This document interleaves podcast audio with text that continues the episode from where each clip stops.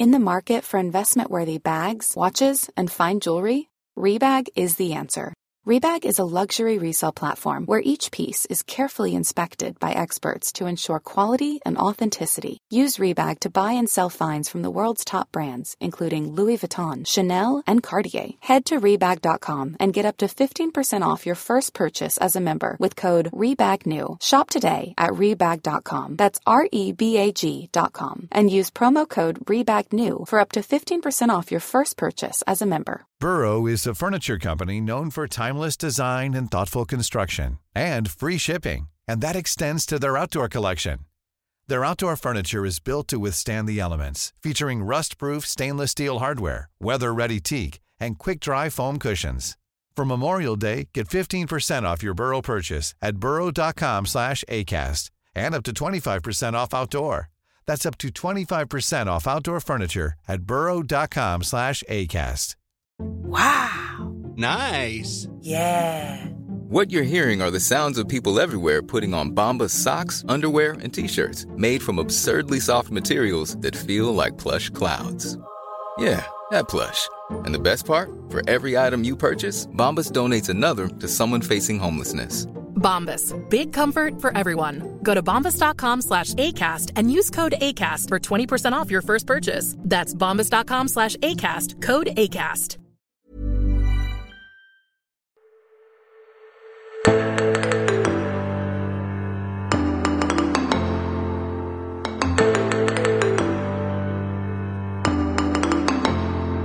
Helga Haugland Byfuglien, du har vært eh, preses i bispemøtet i Den norske kirke siden 2011. Du var den første som hadde denne jobben på fulltid, og dermed har du kunnet konsentrere deg helt om det overordnede lederskapet i kirken utover det enkelte bispedømme. Nå skal du straks eh, gå av. Det er avskjedsgudstjeneste i Nidarosdomen 26.1. Hva sitter du aller mest igjen med når du ser tilbake på denne delen av din preste- og bispetjeneste? Det har vært eh, mange høydepunkt. Det er ikke tvil om at eh, den inngangen jeg fikk knyttet opp til eh, 22. juli, Mm. den eh, sitter hos meg, som så mange andre, i kroppen. Ja. Eh, det var utfordrende for alle, eh, og det var også viktig å være kirke i den tiden, så det sitter ganske sterkt i minnet, og ble inngangen min faktisk før jeg var innsatt formelt. Akkurat. Ja, for jeg har et minne om at du var i Dagsrevyen Det må ha vært bare et par dager, tror jeg, etter at det skjedde, eh, og snakket om at, om at hat og hevn ikke var Ja. det vi trengte å ty Ja. til nå. Ja, jeg satt jo der ganske Jeg ble jo ringt opp tidlig på den lørdag morgenen fra NRK. Der bodde jeg i Fredrikstad, og de ville ha Mm. meg i studio med en gang. Og de presenterte nå disse fryktelige tallene. Så var jeg der litt, men så var det også nytt, nytt i etterkant av det. Og det var jo en tematikk, eh, dette med, med hat og hevn, og hvordan vi skal forholde oss til det. Jeg husker jeg ble utfordret på om, om dette med sinne, og jeg sa at selvfølgelig det er lov å være Mm. sint, for det er jo en naturlig reaksjon, men eh, men på lengre sikt så vet vi at hat og hevn avler bare mer av det samme. Så, men det var det var krevende for veldig mange, men, men også jeg kjente veldig på det, særlig den gudstjenesten 24. juli, Mm. som eh, gikk over eh, langt på vei hele verden. Og heldigvis så er det sånn med gudstjenestefeiring at da er Uansett hvor mye som, som eh, sendes på TV og radio, så er det nærværet i gudstjenesten som Mm. betyr noen ting. Men uh, det var selvsagt for alle langt større enn det vi kunne si, drømme om i våre mareritt. Nå er det gått litt tid. Hvordan vil du, altså, hvordan vil du karakterisere eh, håndteringen? Jeg har f.eks. tenkt for min egen del at, at jeg var imponert over Arbeiderpartiet, eh, som var så hardt rammet, eh, og som, som kunne ha brukt dette som, som eh, utgangspunkt for å kritisere høyre, høyreekstremisme, og, og mildere utgaver av det òg. Eh, det skjedde ikke. Nei, det var en veldig bevisst eh, formidling fra, ikke minst fra Jens Stoltenberg, knyttet opp til hvilke ord som ble brukt. Mm. Uh, og ikke minst at med en gang så tok man høyde for at man ikke visste først hvem det var som hadde gjort Mm. det. At det ble kalt en terrorhandling betydde veldig mye. Og det har vært sterkt nå, jeg har sett et par episoder den 22. juli som går på TV. Og så den lettelsen en del av våre nye landsmenn opplevde når de skjønte at det ikke var en av de. Ja. Ganske sterkt og tankevekkende. Og ehm, det var mye som, som rørte seg hos oss alle, og jeg tenker mye på Eller i den grad jeg tenker på det, så, så har jeg den refleksjonen at det er mange som sitter med veldig sterke eh, personlige opplevelser hva som ble krevd den gangen. Mm. Mm. For selvfølgelig helsepersonell, alle som sto tett ved. Også de som talte i det offentlige rom, som jeg jo også gjorde. Også lokalt, så ja. Hva husker du av, eh, av forberedelsene dine til det å skulle ha gudstjeneste? For det er klart at her, her Dette var jo et av de i nyere tids sterkeste eksempler på at kirken fremdeles er en sånn samlingsarena. Når det virkelig skjer store og dramatiske ting, så er det der man er. Eh, men så er man jo òg kirke i Norge da anno 2011, så dette er ikke stedet for eh, vekkelsesmøte, akkurat. Eh, hvordan, hvordan forberedte du eh, Det ble jo en veldig kort forberedelse. Det Mm. ble jo egentlig bare fra midt på lørdagen. og Da skulle det være gudstjeneste i domkirken. Eh, Oslo-biskop var enda på ferie, og han kom jo hjem da i løpet av en, en kort tid. Men, men pilene pekte på meg som da var utnevnt til preses, Mm, men ikke hadde mm. tiltrådt enda.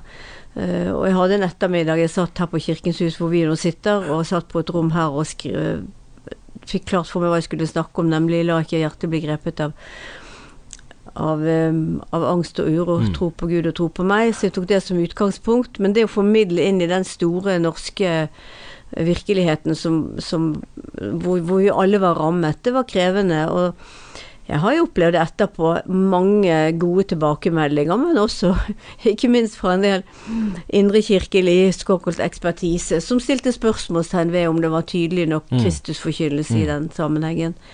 Jeg tenkte da først og fremst at vi i det var en, en kirke som pekte på et, et håp, men vi skulle ikke være for raske til å snakke om håpet, men mer snakke om den lammelsen som griper en når alt blir eh, mørklagt, og hvordan vi må holde fast på at det er en vei gjennom det, Mm. husker jeg brukte.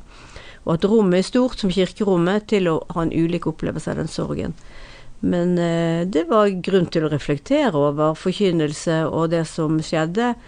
Men eh, jeg har jo tenkt at ikke alle kanskje har tatt høyde for den ekstremsituasjonen det var også å skulle være prest og formidler Akkurat. inn den dagen. Mm, mm. Så var det jo allerede året etter at Grunnloven eh, ble endret, og at Den norske kirkes forhold til staten Mm. ble løsnet. Og det har jo fortsatt, eh, Mm. og det fortsetter jo egentlig eh, fortsatt. Hvordan ser du på den tiden du har vært preses i et historisk perspektiv? Altså tusen år lang eh, kristen historie. sant? Eh, En stor andel av medlemmer eh, altså i befolkningen har vært medlemmer av kirken. Nesten alle har blitt døpt osv. Mm. Eh, nå er det ganske mye som har endret seg på relativt kort tid. Det er det. Altså, vi har jo blitt et mye mer mangfoldig samfunn knyttet opp særlig til arbeidsinnvandring og annen innvandring. I tillegg til at også mange som tidligere tradisjonelt hørte til vår kirke, har meldt seg ut og er medlem en god del i Human-Etisk Forbund. Men mangfoldet som preger vårt samfunn nå, gjør jo at vi fremstår ganske annerledes, faktisk. Vi, vi skal ikke mange, i hvert fall ikke mange tiår tilbake før det var ganske annerledes, f.eks. Mm. i min oppvekst. Mm. Um, vi snakket akkurat om det her i sted. Altså. Det var nok sånn at de fleste, aller fleste ble døpt den gangen. Mm.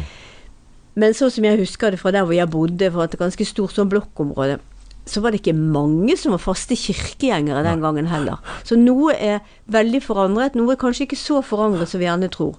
Men um, dette at vi ble um, fikk en ny, helt fornyet relasjon til staten Mm. med grunnlovsendringen, gjorde jo at vi nå fremstår som en kirke som er fremdeles en stor folkekirke. Eh, større enn alle de andre til sammen. Mange, mange ganger større enn alle de andre sammen. Og likevel så eh, så er det ikke så selvfølgelig for så mange å gjøre seg bruk av kirkens tjenester, Mm. og det utfordrer kirken. Det som, eh, som var en ønsket utvikling fra de aller fleste i kirken, nemlig denne fristillingen, gjør jo også at vi har en annen prinsipiell plass blant det Mm. store tros- og livssynsmangfoldet, som gjør at vi har en annen plattform.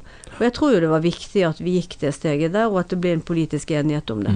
Mm. Man snakker jo om at her i hovedstaden at, at dåpstallene i noen bydeler er nede i kanskje 30% eh, Hva gjør det med f.eks. med folkekirkebegrepet, og med sti kirken stilling, hvis man ser litt eh, fremover i tid? Nei, det vet vi jo ikke.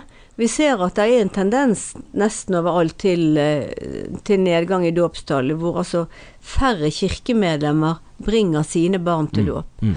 Og jeg hadde akkurat en interessant samtale her med en ganske mye yngre medarbeider her på Kirkens Hus, som sier at svært mange av hans venner de tenker ikke på dåp som noen, en aktualitet, og hvis de skulle gjøre det, så visste de ikke helt hvordan de ville ha det. Og jeg tenker det er ganske viktig for oss som kirke å få kontakt med miljøer som, som tenker annerledes om dette. Eh, og samtidig så skal Kirken invitere til dåp, fremholde dåpens innhold. Uh, legge til rette så langt som vi kan for at det skal være praktisk mulig for alle å få dåp, helst når de ønsker det. Mm.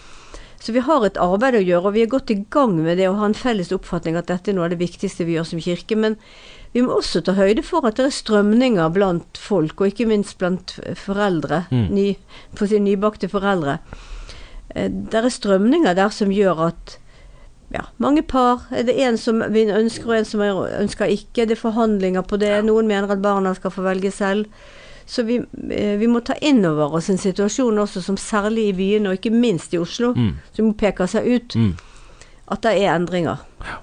På eh, trosopplæringskonferansen nå i november så fortalte du litt om hva dåpen betyr for deg eh, Mm. personlig. Jeg husker du sa bl.a. at du ble båret dit av mor og far for å høre til hos Jesus. Mm. Det ligger mye i den setningen både om, om båndet til foreldre, men òg om hva eh, dåpen eh, innebærer. Kan du si litt nå?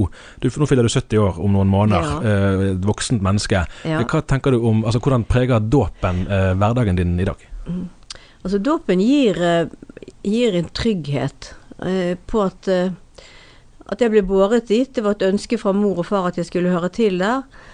Og jeg har kjent at det gjennom ulike faser av livet har vært en trygghet på at der hører jeg til, og der kan jeg alltid komme tilbake. Og for Mm. meg så er dåpen for min egen del, men også det som jeg ønsker å formidle, det at, at de løftene som Gud gir ved dåpen, de gjelder meg enda. Jeg kan faktisk vende tilbake til det å være som et barn. Som har masse tanker i hodet, forstår en del, veldig mye begriper jeg ikke av dette livet, og samtidig så får jeg høre til der. Så dette med at dåpen er Guds handling én gang, men den er en handling som, som Gud står ved. Mm. Um, men det som var tilfellet for meg den gangen, det var at jeg hadde en bror som var eh, Som døde eh, da han var mindre enn et år gammel, i krybbedød, og jeg var da barnet som kom etterpå. Og jeg ble døpt ganske tidlig. Jeg ble døpt, jeg var ikke eh, mellom tre og fire uker gammel da jeg ble Ja. døpt. Og jeg spurte aldri min mor, som jo levde til jeg var 22, hvorfor det var sånn, men jeg har tenkt meg at fordi var det viktig å legge dette barnet i Guds hånd Ja. eh, så raskt som mulig. Det var nok en tanke, tankegang som var veldig fremme den gangen. Mm. Nå har nok vi mer en nyansert tanke om at vi hører jo til hos Gud, om de som ikke ble døpt, de vil Gud ta vare på. Men, men i en del av kulturer også i vårt land, så har det vært sånn at få barna til dåp så fort som Ja, mulig. ja. Eh, men, men vi kan bli døpt når vi er 12 år, når vi er 30, når vi er 70 for den del. Mm, mm.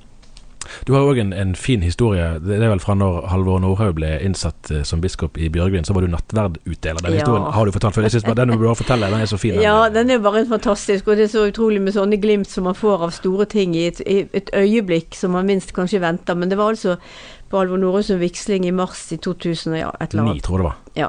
Eh, så var det et barnekor som hadde sunget. Det var vel sånn 10-11-12 års gamle jenter stort sett, som var fint pyntet og sto foran der i kor og sang. Og så var det nattverdfeiring, og jeg sto der ved der hvor de satt. Og så vi delte ut med intinksjon, og jeg ga dette, dette, dette Jesu legeme, tror jeg vi sa den gangen. Og jeg husker relativt godt Det var en som jeg mener hadde vært fremme og fått tatt imot dette brødet og fått dyppet til vin. Og så sier jeg så hyggelig jeg kan Fikk ikke du i sted? Og så sier hun med største frimodighet Ja, men du, du skjønner det er til min mor. Hun tør ikke gå frem. Og hva skjedde? Selvfølgelig, hun fikk et dyppet oblatkjeks og løp ned til moren. Og det forteller meg at barn kan vise vei, og barn kan ha en frimodighet i vår kirke som foreldregenerasjonen ikke har. Mm. Men det er jo Ja, det, var, det, det er en det er en gullopplevelse Ja, det er en betagende historie, virkelig. Og den er jo interessant òg. For sist gang jeg hørte deg fortelle den, var når, når vi var i dette huset her på en eh, presentasjon av en forskningsrapport fra KIFO. i- Det var vel kanskje òg i november, i hvert fall i- sent Ja, på høsten i fjor. Mm. Om barnenettverd særlig. Ja. Eh, sant? Og da lurer jeg litt på For nå har vi snakket om dåp og om nattverd. Sant? Om de to, luthers, altså de to sakramentene som man har bevart i den lutherske eh, kirke. Eh, ser vi i en tid der som vi har snakket om at mye religiøsitet er i endring, at sakramentene faktisk får en større betydning enn de hadde ja, når du var småbarnsforeldre, for f.eks. fasen? Ja, altså For det første så er det sånn at de som døper barna sine, mange av de har tatt et veldig bevisst valg. Mm. For noen så er det en tradisjonsrikdom som ligger i det. Men mange tar også et veldig bevisst valg, nettopp fordi at de har måttet eh, snakke om det. har ikke vært så selvfølgelig. Mm. Mange av vennene deres har kanskje ikke døpt barna sine. Eh, så jeg har vært Jeg er jo ofte til gudstjeneste. Senest sist søndag. Det var to barn som ble døpt i den Ja. menigheten som jeg satt i, eh, kirken jeg var i. Og jeg ser også hvordan veldig mange av de også går til nattvær. Eh, og det er en sterk høytidelighet, en fest i familien og i storfamilien. De sitter på hele gudstjenesten, opplever dåpen ved starten av gudstjenesten, nattværen litt ute i gudstjenesten.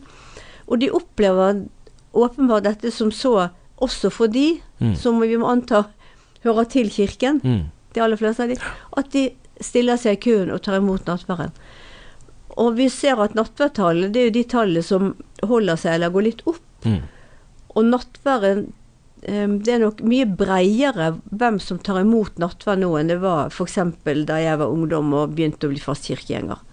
Og det sier noe om at forkynnelsen av nattverd oppleves som åpen, Mm. og samtidig så er jo liturgien sånn at den formidler jo tydelig hva er det vi får i, i nattverden? Hva er det vi sier ja til når vi Mm. rekker frem hånden vår?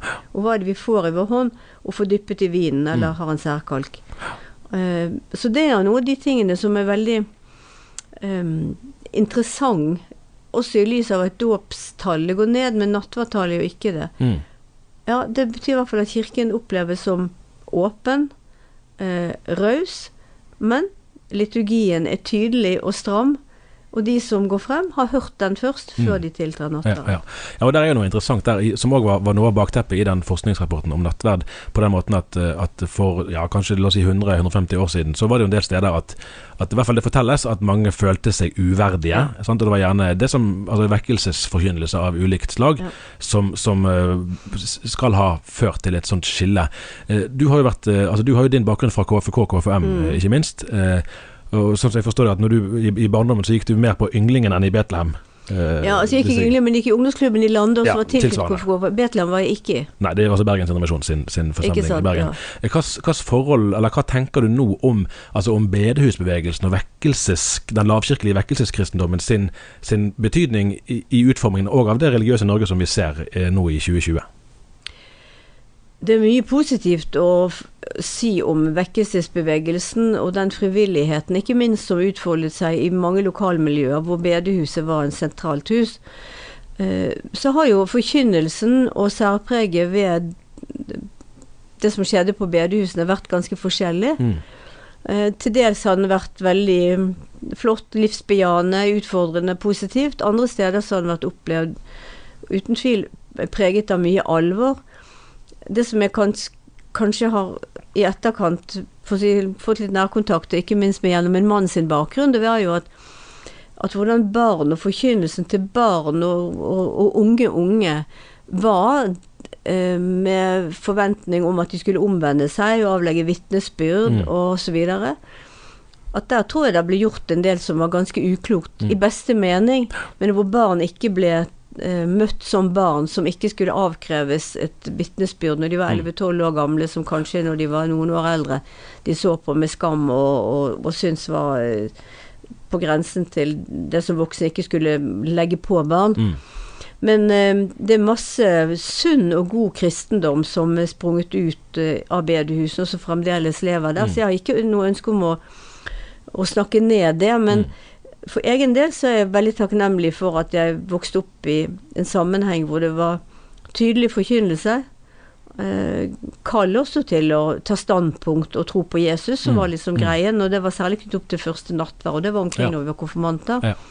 Også en forkynnelse som var veldig utfordrende i forhold til å ha utblikk ut til den verden. Og nå snakker vi ikke sant om eh, sen, siste del på 60-tallet, hvor Mm. den sosialetiske vekkelsen også hadde bølger inn i, i KFK og KFM ganske sterkt. Så, og det var en sånn livsbejaende kristendom som gjør at jeg har Men, men jeg også har en, en bakgrunn sånn hjemmefra. Så min mor for eksempel Vi fikk ikke strikke om søndagen. Nei. Det var en av pietismen. Hun Mm. likte ikke Hun ville ikke at vi skulle verken gå på danseskole eller på skoledans. Nei. Og kortspill syntes hun heller ikke var noe særlig å drive med. Mm.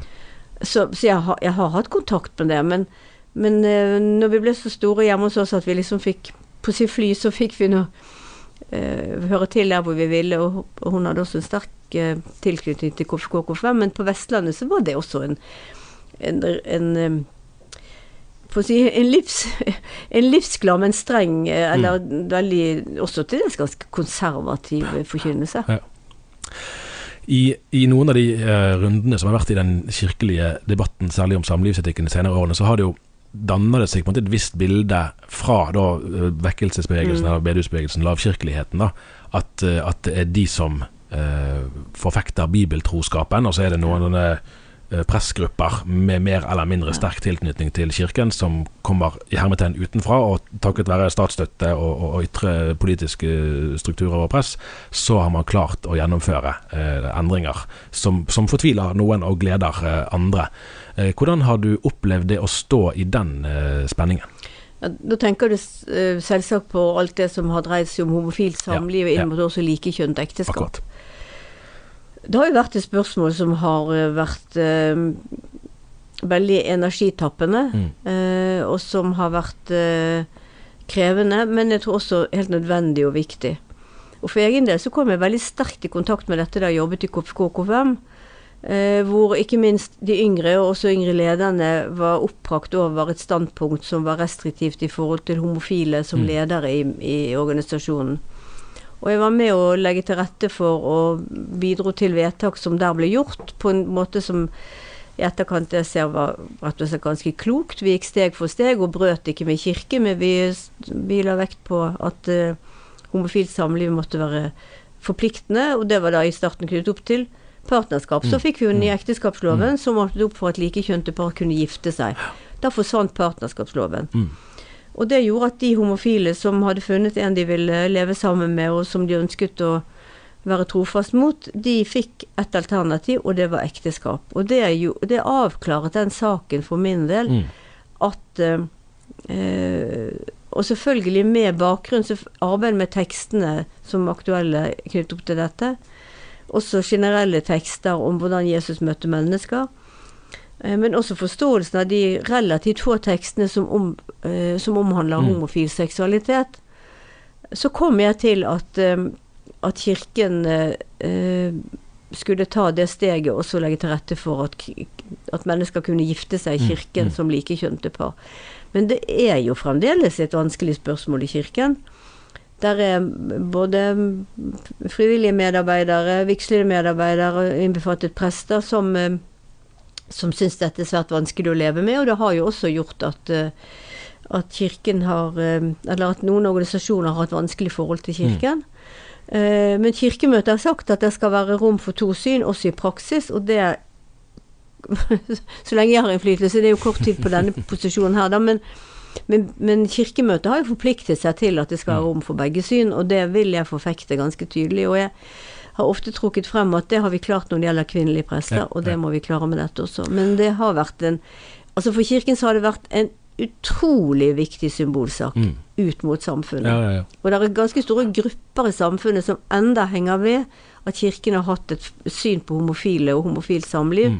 Som de har vært dypt uenig i. ja, ja. Og det er mange som kommer og takker meg og gir meg på en måte æren for det som gjør at vi er der hvor vi er nå.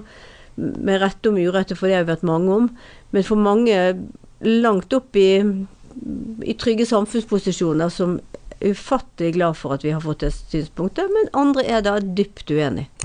Hvor paradoksalt er det at man altså i den nye vigselsliturgien så har man vel måttet bytte Altså de tekstene som handler om ekteskapet, som har vært brukt før, de, de forutsetter jo alle mann og kvinne ekteskapet. Hvor paradoksalt er det at man har en vigselsliturgi der man ikke kan bruke de bibeltekstene som handler eksplisitt om ekteskapet? Nei, det har jo vært en debatt, for, man har, for i den gamle liturgien så er jo så å si det de konstituerende ordene, fra, nemlig fra skapelsesberetningen, som mann og kvinne skapte dem, osv.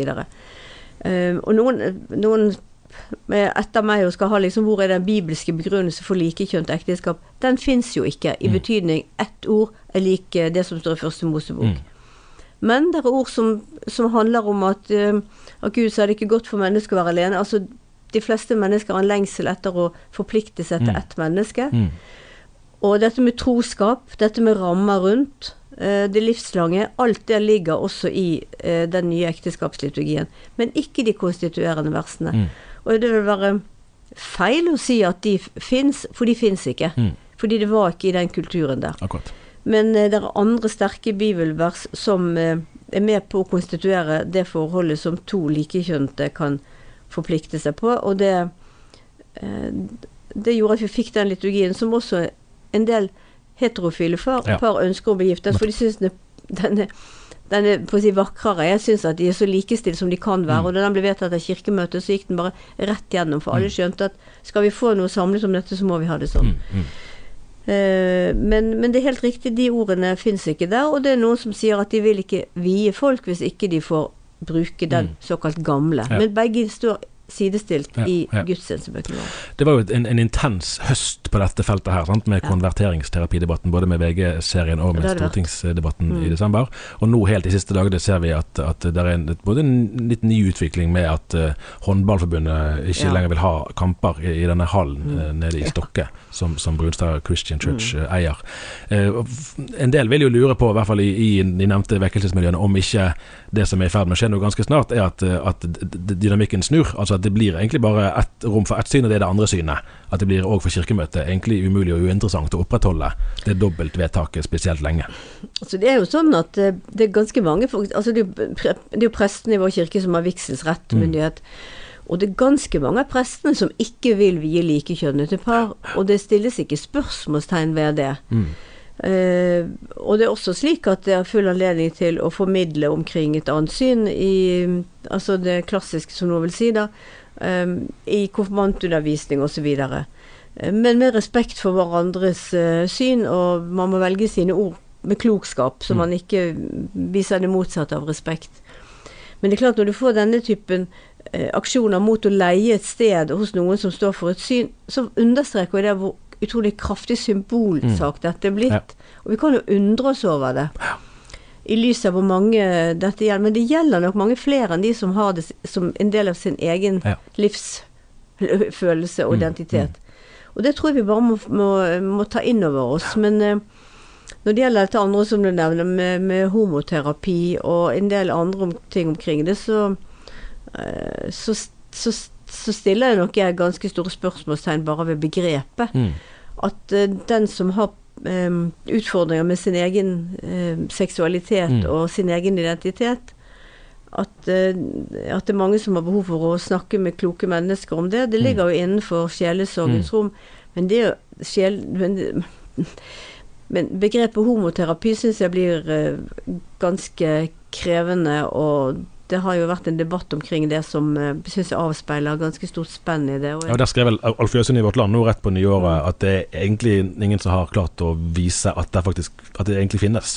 Eh, Nei, altså en, en institusjonalisert Eh, eh, nei, det- terapibehandling. Men jeg har stor respekt for at det er mange som eh, eh, For hvem dette er særdeles vanskelig. Mm. Og, og det er jo også mange som kjenner dette på si, som, som personlig anliggende. At, at dette stadig å være et debattema i mange sammenhenger er ikke bare vanskelig, men oppleves til dels også krenkende. Så den offentlige debatt omkring disse spørsmålene her, eh, det krever mye klokskap og sindighet. Ja. Vi får høre litt sånn innspill av typen at, eh, at det klassiske konservative, tradisjonelle, hva hva man nå vil kalle det for standpunktet, eh, det er ikke så langt unna at det i storsamfunnets øyne nesten blir sidestilt med rasisme. Altså at, at det å ha et sånt standpunkt er i seg sjøl vil være diskvalifiserende i mange sammenhenger. Eh, og da er det jo et spørsmål òg om måte, hva er kirken sin stemme Ja. eh, som, som kontrær til samtiden, kontra det å la seg å lytte òg til, eh, til samtiden. Hvordan ser du det forholdet? Nei, det er ganske vanskelig, for at opinionen styres jo selvfølgelig av de stemmene som deltar i offentlige debatter. Um, og um, selve spørsmålet har jo veldig mye Er jo komplekst og komplisert. Mm. Uh, og for meg så er det særlig det som handler om uh, om uh, dette å, å, å få barn, og ulike måter å få barn på inn i forhold, eller også for så vidt som enslige. Og jeg syns det er mye her som ikke er noe enkelt. Eh, blant annet dette er selvfølgelig med på å si krav om å få barn, eller forventningen om å få barn, uavhengig av hvordan livssituasjonen er. Det, det er mye her som, eh, som jeg syns er komplisert, og har gitt uttrykk for det tidligere også. Men, så det å skille litt fra hverandre hva dette handler om, tror jeg er ganske viktig. Um, men det, eh, fremdeles er det jo sånn at det har mye oppmerksomhet i samfunnet. Mm. Uh, spørsmål knyttet til dette. Uh, og mm, noen ganger så spiller jeg med spørsmål hva som gjør det, men jeg tror det avspeiler hvordan veldig mange har opplevd seg sitt til side, så har vært stigmatisert. Det er Mm. Faktisk ikke så lenge siden det var ulovlig. Nei, det gjør ikke det. Og det er ikke så veldig, enda min kortere tid siden det var en diagnose. Mm. En psykiatrisk diagnose. Og det, og det sitter jo ikke bare i de enkeltpersonene som levde da i 1978 når dette var, men det, det er jo levert videre også som en fortelling. Mm. Ja, ja. Og hvordan eh, homofile, lesbiske har blitt behandlet og trakassert. Så det er en voldsom bølge den andre veien som har Så jeg tror det må forstås inn mot det. Ja. Eh, og den ydmykheten i forhold til det, i hvert fall bestreber jeg meg veldig på å ha det, fordi ehm, det å bli stilt spørsmålstegn ved hele tiden, ved hvem du er, Mm. at det blir et tema hele tiden. Eh, når du selv har en grunnleggende opplevelse at det er sånn jeg er. Mm. Mm. Nettopp. I fjor eh, var det 50-årsjubileum for Kirkerådet i Den norske kirke. Og der sier man vel at Kirkerådet er litt regjeringen og Kirkemøtet er Stortinget. Man skal, det er jo ikke helt Mm. Ja riktig bilde, men, Nei det, men liksom noenlunde. Eh, og Jan Arild Holbæk, som er liksom Kristen Norges eh, Arne Skeie innenfor journalistikken i hvert fall, Mhm. eh, han skrev jo en bok om, om dette jubileet. Og der, og der påpeker han en ting som jeg tror overrasker en del, nemlig at, at homofilispørsmål og spørsmål knyttet til det ikke er det spørsmålet som har vært hyppigst eh, debattert på Kirkemøtet. Det er det jo gjerne eh, noen som tror.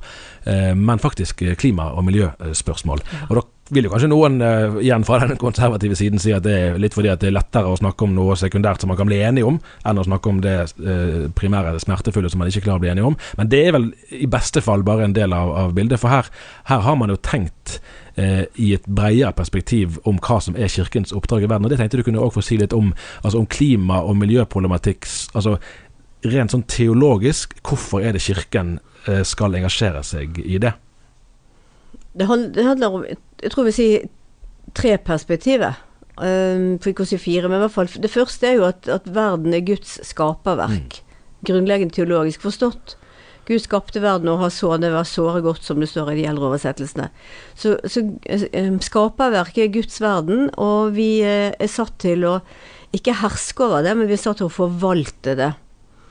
Så det er jo en, en grunnleggende teologisk forestilling om at, at mennesket er satt til å forvalte verden, og, og det Guds skapte og ville til verden i et enestående, uforståelig system som holder oppe livet. Det er det ene. Og slik som, eh, som klima- og miljøperspektivet nå tegnes for oss, så er det for det andre et viktig solidaritetsspørsmål. Fordi vi ser og vet allerede at de som rammes mest av klimaendringene, Mm. det er de fattigste blant oss. Det er folk som lever på eh, eksistensgrense, og som også eh, må flykte. Så vi vil har vært for enda flere klimaflyktninger, ikke minst fra land i sør. Mm. Eh, Så det handler om det. Eh, Og så handler det selvsagt om at vi er, satt, vi er satt her i vår tid, jeg er satt her i min tid. Og der jeg har både barn og barnebarn som skal forhåpentligvis lese, leve lenge etter meg. Mm. Og i hele verden så er det massevis av folk som skal leve mye lenger enn en det jeg har i livs, mitt perspektiv. Og hvilken verden er det så de skal få leve i? Eh, skal det være livsvilkår? Mm. Og jeg må si at etter, ikke minst at jeg har fått barnebarn. Sant? Det yngste barnebarnet mitt er to og et halvt år. Så han vil, hvis han lever lenge nok, så vil han jo ha en viss sjanse til faktisk å oppleve 2100. Mm. Ikke sant? Ja, tenk på det. ja. Det er jo voldsomt perspektiv. Og hvilken verden vil det være? Vil det være levelig her på denne jorden? Mm. Altså det, og dette er jo selvfølgelig sterke perspektiv. Og så har Kirken midt oppi alt et, et, et håpsbudskap om at verden er Guds verden.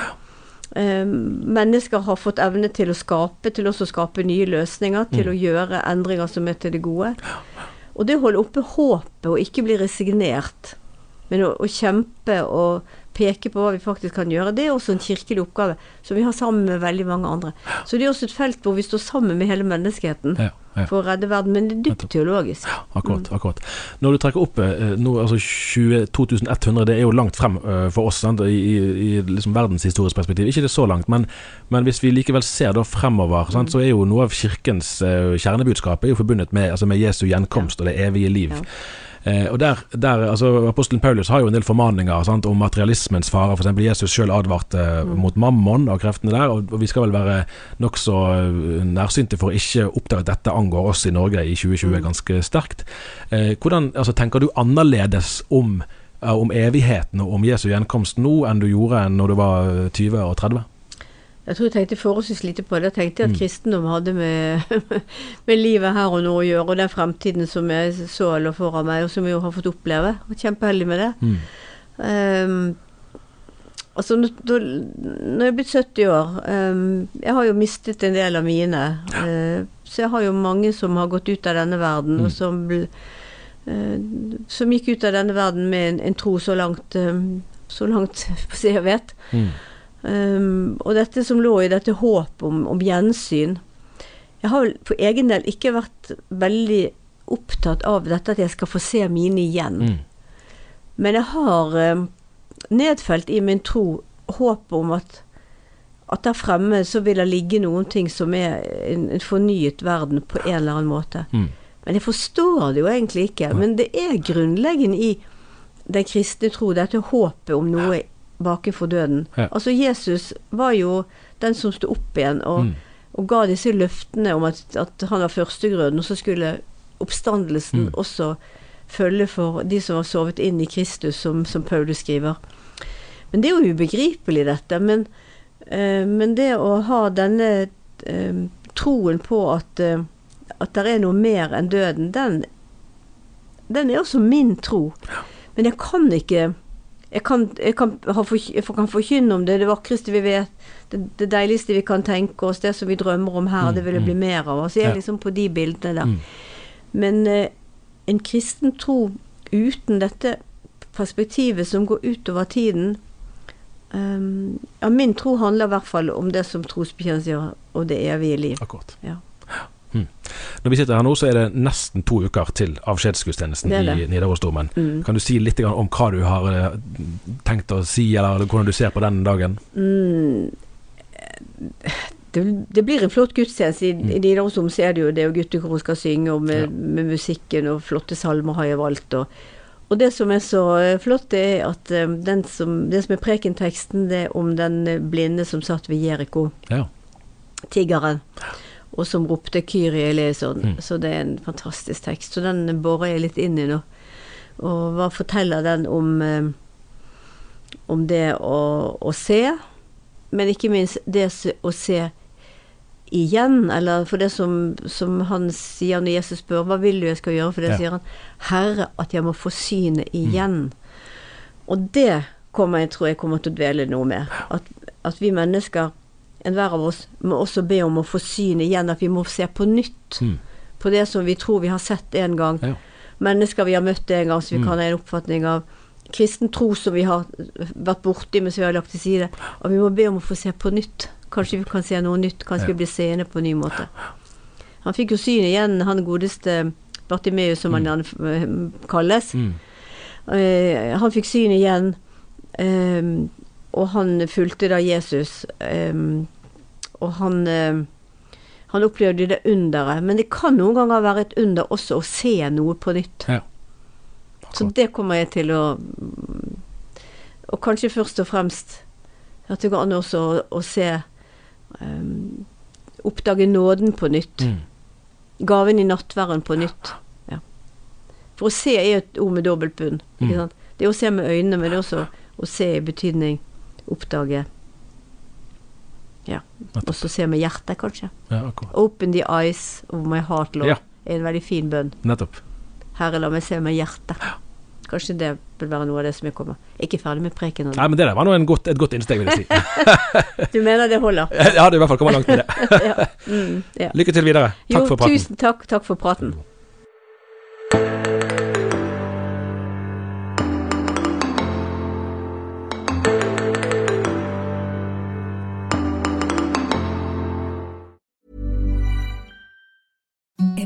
Softest sheets you've ever felt. Now imagine them getting even softer over time. That's what you'll feel with Bowl and Branch's organic cotton sheets. In a recent customer survey, 96% replied that Bowl and Branch sheets get softer with every wash. Start getting your best night's sleep in these sheets that get softer and softer for years to come. Try their sheets with a 30-night guarantee. Plus, get 15% off your first order at bowlandbranch.com. Code BUTTERY. Exclusions apply. See site for details. Hi, I'm Daniel, founder of Pretty Litter. Did you know cats tend to hide symptoms of sickness and pain? I learned this the hard way after losing my cat, Gingy. So I created Pretty Litter, a health monitoring litter that helps detect early signs of illness by changing colors, saving you money and potentially your cat's life. Pretty Litter is veterinarian developed, and it's the easiest way to keep tabs on your fur baby's health right at home. Go to prettylitter.com and use code ACAST for 20% off your first order and a free cat toy. Terms and conditions apply. See site for details. This Mother's Day, treat mom to healthy, glowing skin with Osea's limited edition skincare sets. Osea has been making clean, seaweed infused products for nearly 30 years. Their advanced eye care duo brightens and firms skin around your eyes, while the Golden Glow Body Trio nourishes and smooths skin all over. Go to OSEAMalibu.com and use code MOM for 10% off your first order site wide.